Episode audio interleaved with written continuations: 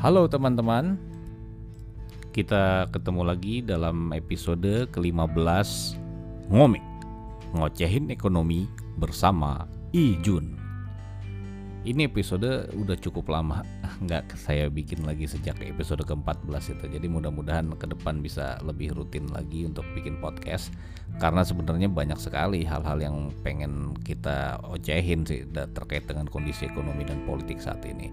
Pastinya seru dan uh, menarik untuk kita bahas. Uh, episode kali ini saya akan ngocehin satu hal yang cukup ramai dibicarakan beberapa waktu lalu, tentu sebelum Undang-Undang Cipta Kerja, tapi ini hal yang basic sebenarnya dalam ekonomi, namun banyak yang bertanya gitu loh, yaitu uh, terkait dengan resesi ekonomi. Itu di berita, di media, di online itu banyak mengangkat mengenai resesi ekonomi. Kemudian beberapa kawan bertanya kepada saya kan, Mas, ini yang dimaksud dengan resesi ekonomi apa sih? Emang kalau resesi itu apa? Terus dampaknya kepada kehidupan kita apa? Nah ini menarik untuk kita bahas dan untuk menjawab berbagai keingintahuan tersebut uh, kita coba telah pertama terlebih dahulu arti kata dari resesi karena to know.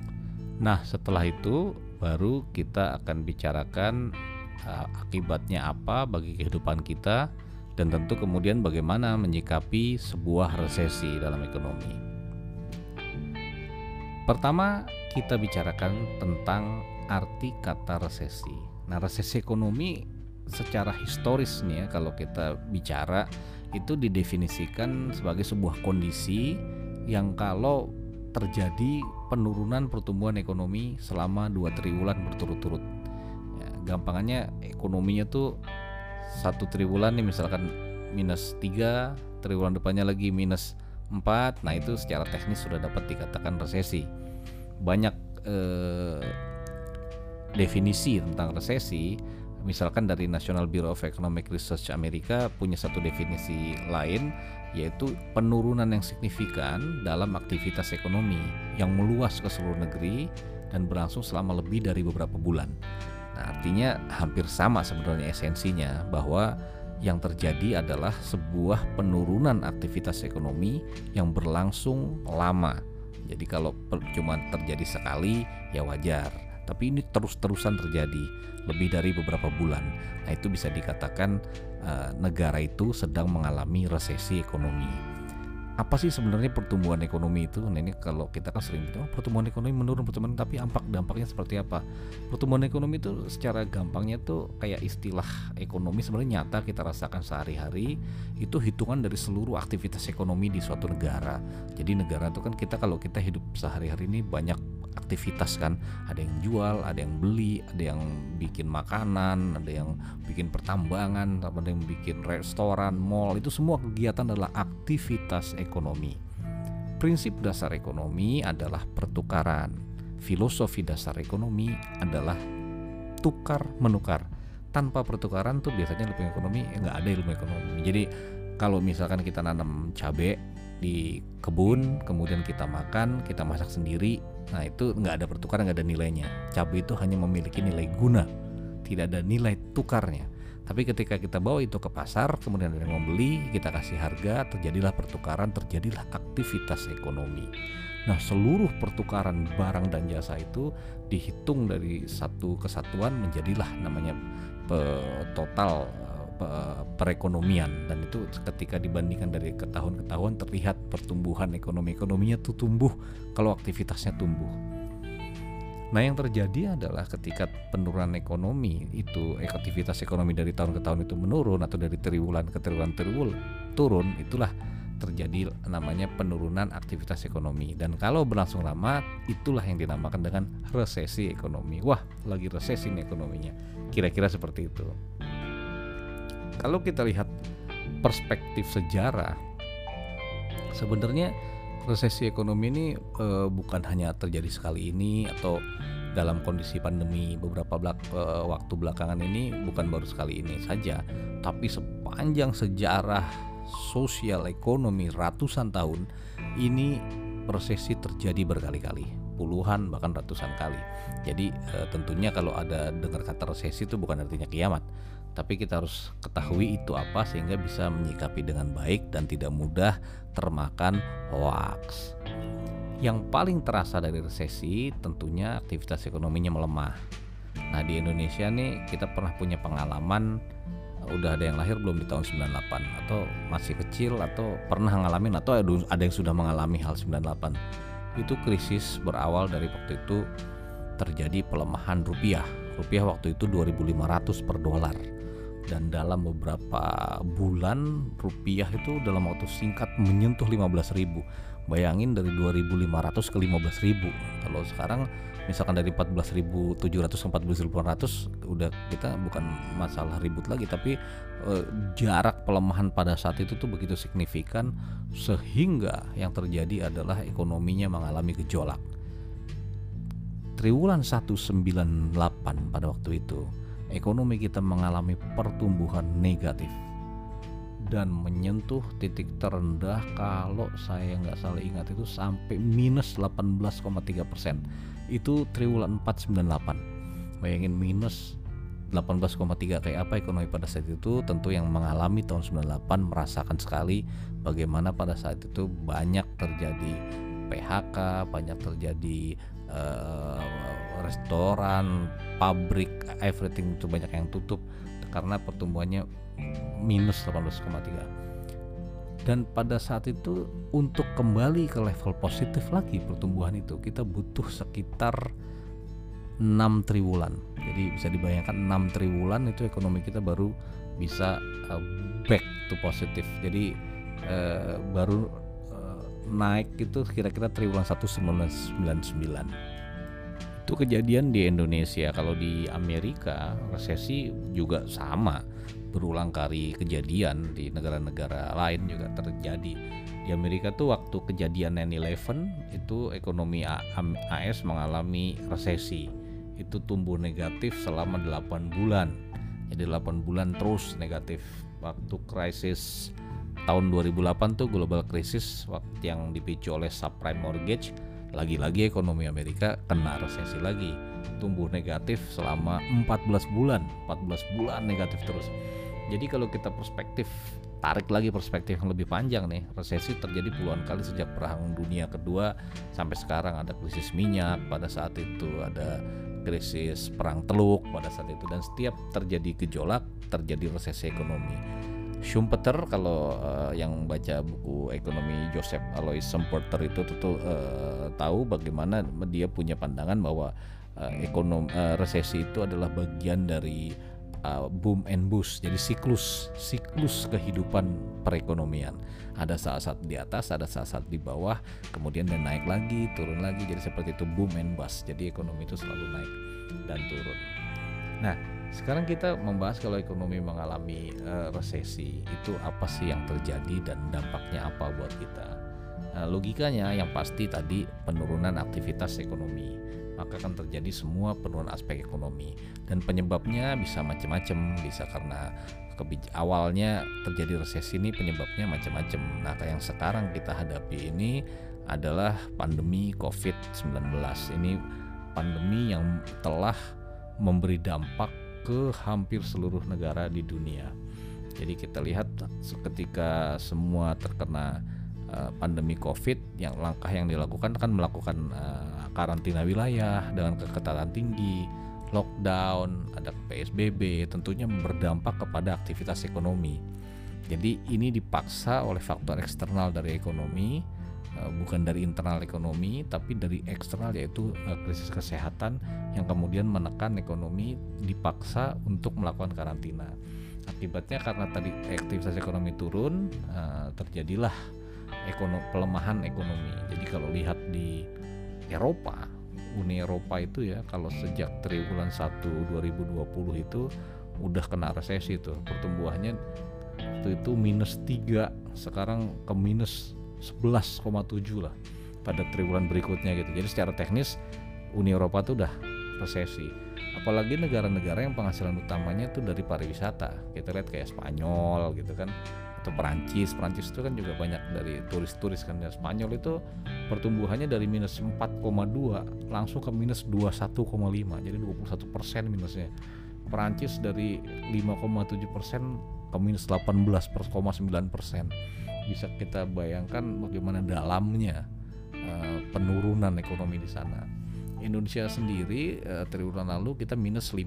Nah, tentunya ini masih jauh lebih baik kalau dibandingkan negara-negara di Eropa sana, tapi tentu kita harus berhati-hati dalam menyikapi ini. Konsekuensi dari turunnya aktivitas ekonomi itu kan bisa kita rasakan dalam masyarakat, kehidupan masyarakat negara-negara yang terkena. Dampak pertama kita lihat kan pasti ketika aktivitas turun kan permintaan turun ya kan? Konsumsi orang turun kalau konsumsi turun yang terjadi adalah uh, produksinya juga turun. Pabrik-pabrik kan nggak akan memproduksi banyak juga orang yang beli nggak ada kan?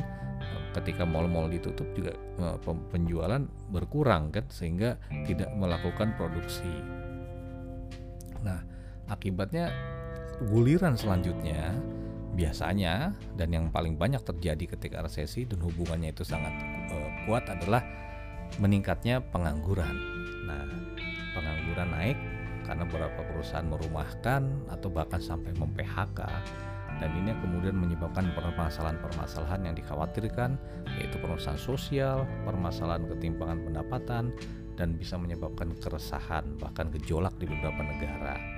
Ini kalau kita lihat sekarang uh, kondisi kita aja kan kalau minimal ada temen atau ada kenalan kita atau bahkan kita sendiri mudah-mudahan nggak begitu yang terkena dampaknya seperti itu kan.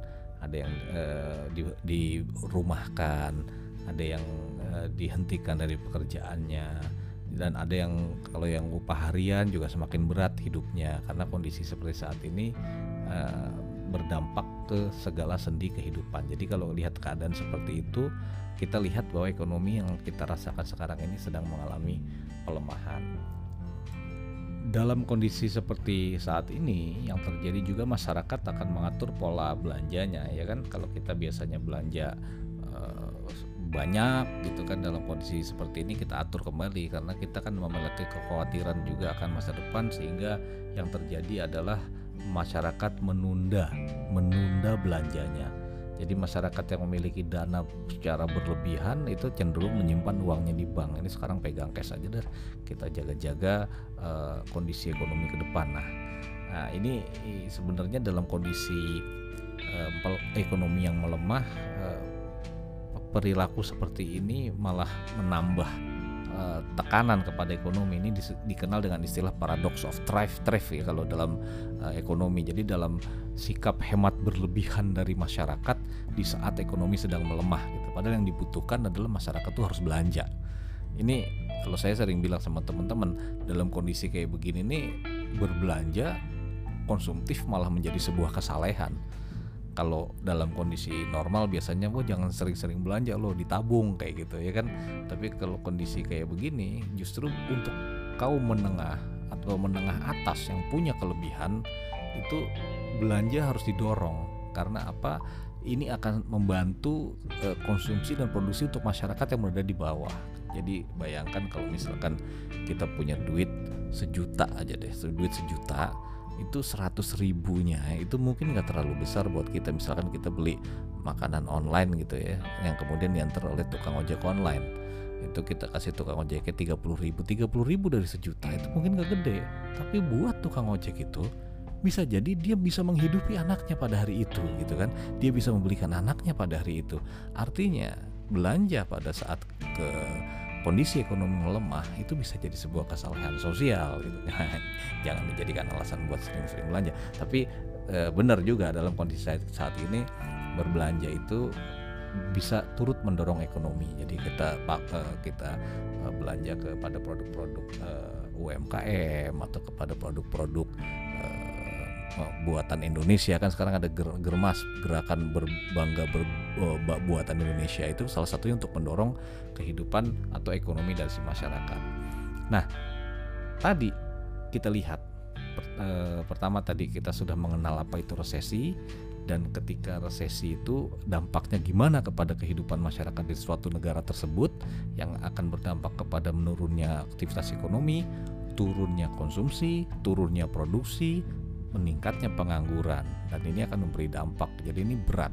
Resesi ini hampir tidak disukai oleh semua negara di mana pun dan ingin buru-buru berbalik gimana caranya kita bounce back. Nah, unfortunately yang terjadi sekarang kita mengalami juga krisis kesehatan. Jadi sehingga masalahnya adalah kita juga harus bisa menangani permasalahan dari uh, kesehatan itu. Di sinilah peranan pemerintah uh, menjadi penting. Jadi kalau dalam ekonomi itu ada istilahnya bagaimana pemerintah kita tuh uh, pemerintah di semua negara itu uh, the big government itu harus turun membantu. Jadi pemerintah pertama perlu menjaga daya beli masyarakat tadi. Masyarakat yang tadi turun konsumsinya terutama yang di kalangan bawah harus dijaga daya belinya. Jangan sampai masyarakat kehilangan kemampuan berbelanja atau memenuhi kebutuhan sehari-hari.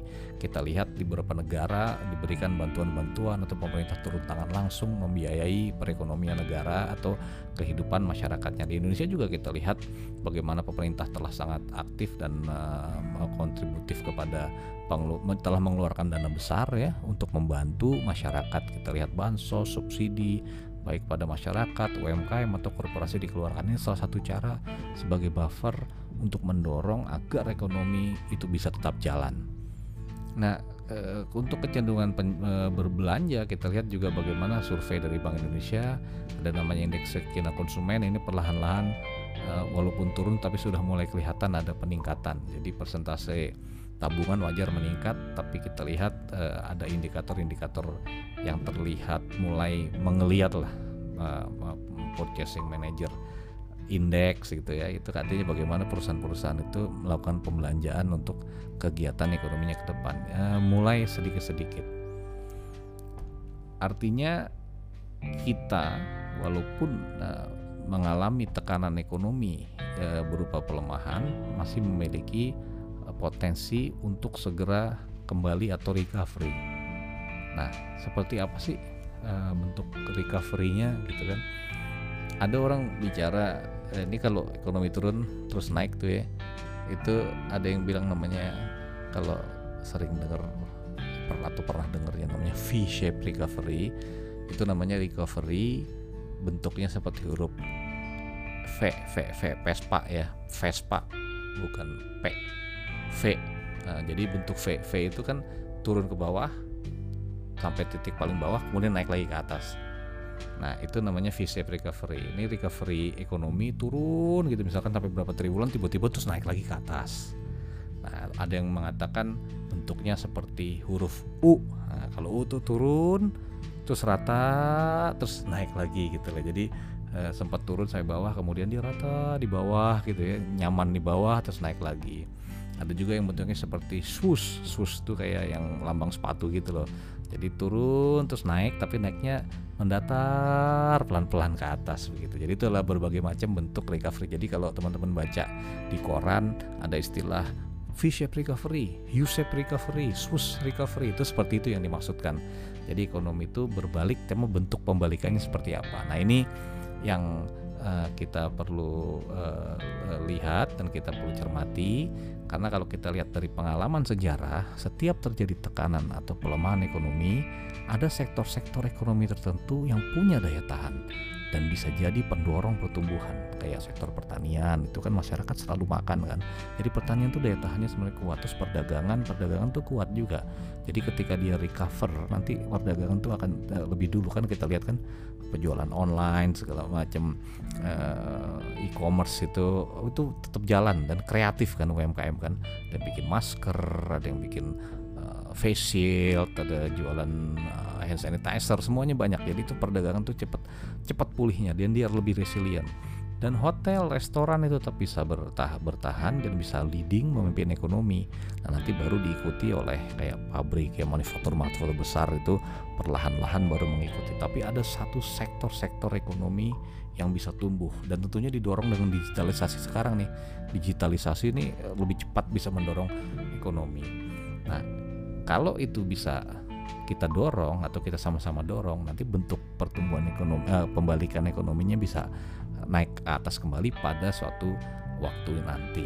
Jadi artinya tekanan ekonomi kalau ada yang bilang sekarang uh, ada yang bilang oh ini resesi ekonomi uh, tentu kita harus lebih bijak dalam menyikapinya kondisi ini pastinya berat karena uh, ekonomi aktivitasnya menurun dan berdampak pada banyak pihak mulai dari lesu tadi ekonomi hingga pengangguran yang meningkat.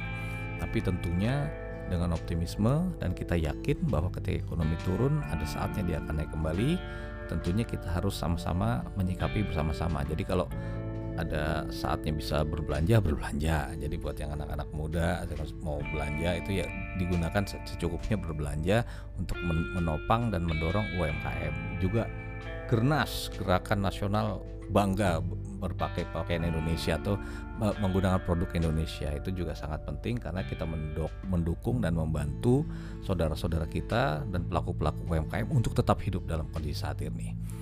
Dengan optimisme, insya Allah nih saya bisa melihat ini recovery-nya bisa terjadi begitu nanti eh, pandemi ini bisa diatasi atau jumlahnya semakin berkurang, ekonomi kita akan kembali normal dan eh, positif kembali, insya Allah dan tentunya tetap jaga terus protokol kesehatan 3M nah itu mencuci tangan pakai masker menjaga jarak harus penting karena pemulihan ekonomi harus berasal dari juga menjaga kesehatan kita semua. Itu yang bisa kita share pada hari ini. Sampai jumpa di ngomik selanjutnya Thank you.